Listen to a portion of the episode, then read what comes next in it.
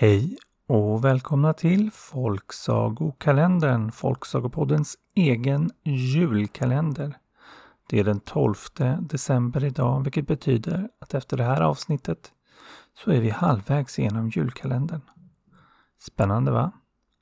Och idag är inget vanligt avsnitt. Idag har vi nämligen kommit fram till mitt favoritlandskap tror jag, om man nu kan ha ett sånt nämligen Sveriges största ö, Gotland, som ligger på Sveriges östkust i Östersjön. Och där har jag min släkt ifrån, så där har jag varit massor av somrar och vintrar och en och annan vår och höst. Och på Gotland kan du besöka platser som Visby, Klintehamn, Roma, Bursvik eller varför inte Vänge. Landskapsblomman är murgröna och landskapsdjuret är igelkott. Och det är inte bara ett speciellt avsnitt för att det råkar vara ett, ett landskap med en speciell plats i mitt hjärta. Vi har också en gästberättare idag. Och inte vem som helst. Utan Folksagopoddens egen ljudguru Viktor Borg. Bördig från just Vänge.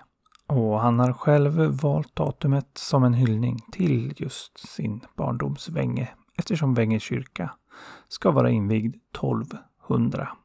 Och förutom att vara en fena på det där med ljud så är han också en fena på berättelser. Vilket vi märker när vi idag får en sägen om Hoburgen på Gotlands sydspets. Här kommer den.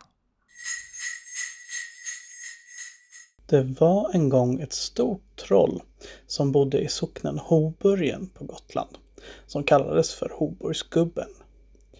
Det var på den tiden som det fanns bysar och troll och Dismounda Jordi och lite blandade gudar lite i var och varannan socken sådär. Hoburgsgubben hade haft en lång fejd med bland annat åskguden Tor, som på den här tiden kallades för trumslagaren av gutarna eftersom åskan han framkallade lät som trummor på himlen. När Hobersgubben och Tor senast hade mötts hade Hobersgubben försökt stjäla några lamm av Tor. Och efter det så var han väldigt arg på Hobersgubben och hotade med att slänga sin stora hammare Mjölner efter honom om han såg honom igen. En kall midvinternatt fick en storbonde och hans fru på Sudret en efterlängtad dotter. Men på morgonen så hade de blivit mer och mer bekymrade. På den här tiden så var det tradition att alla, precis alla i området skulle bjudas på dop. Och dop på den här tiden, det var ingen liten fest. Då skulle det bjudas på både ungstrull och dricke och saffranspannkaka och alla möjliga saker. Och problemet var då bara att en som bodde i närheten, det var just Hobersgubben.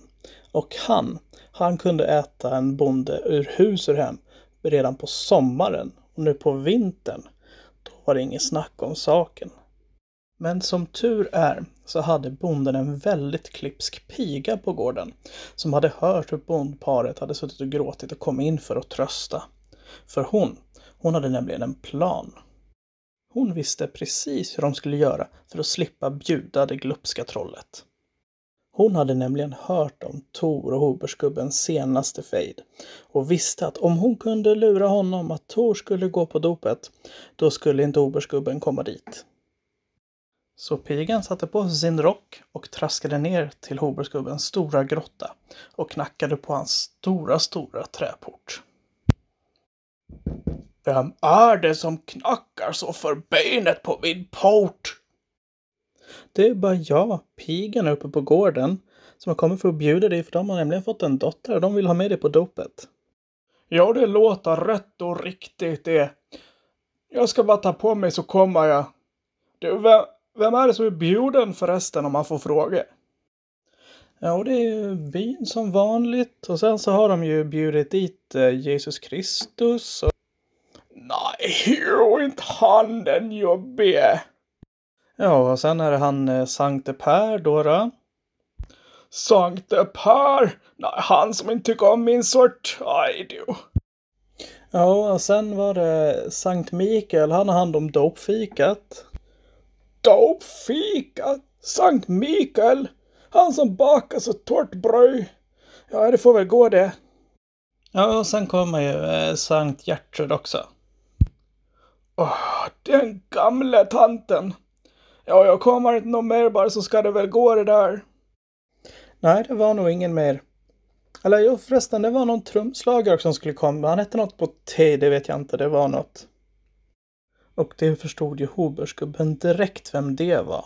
Och efter den misslyckade lammkidnappningen som hade hänt så var han inte så himla sugen på att träffa Tor ändå. Det tog emot ganska mycket. Nej du, jag, jag, har, jag har nog lite annat att stå i ändå. Men eh, nej, det, det är hemskt opassande och inte komma. Men jag får väl skicka med en liten gåva till barnet. då. Jag, har, jag ska gå in och hämta en säck här så ska vi se vad vi kan hitta. Och som alla vet så är ju troll väldigt, väldigt rika. Och han skickade med en stor, stor säck med både silver och guld och ädelstenar. Allt för att få slippa träffa den där trumslagaren Tor. Och med så mycket silver och guld så behövde bondparet aldrig mera oroa sig över en vinter igen.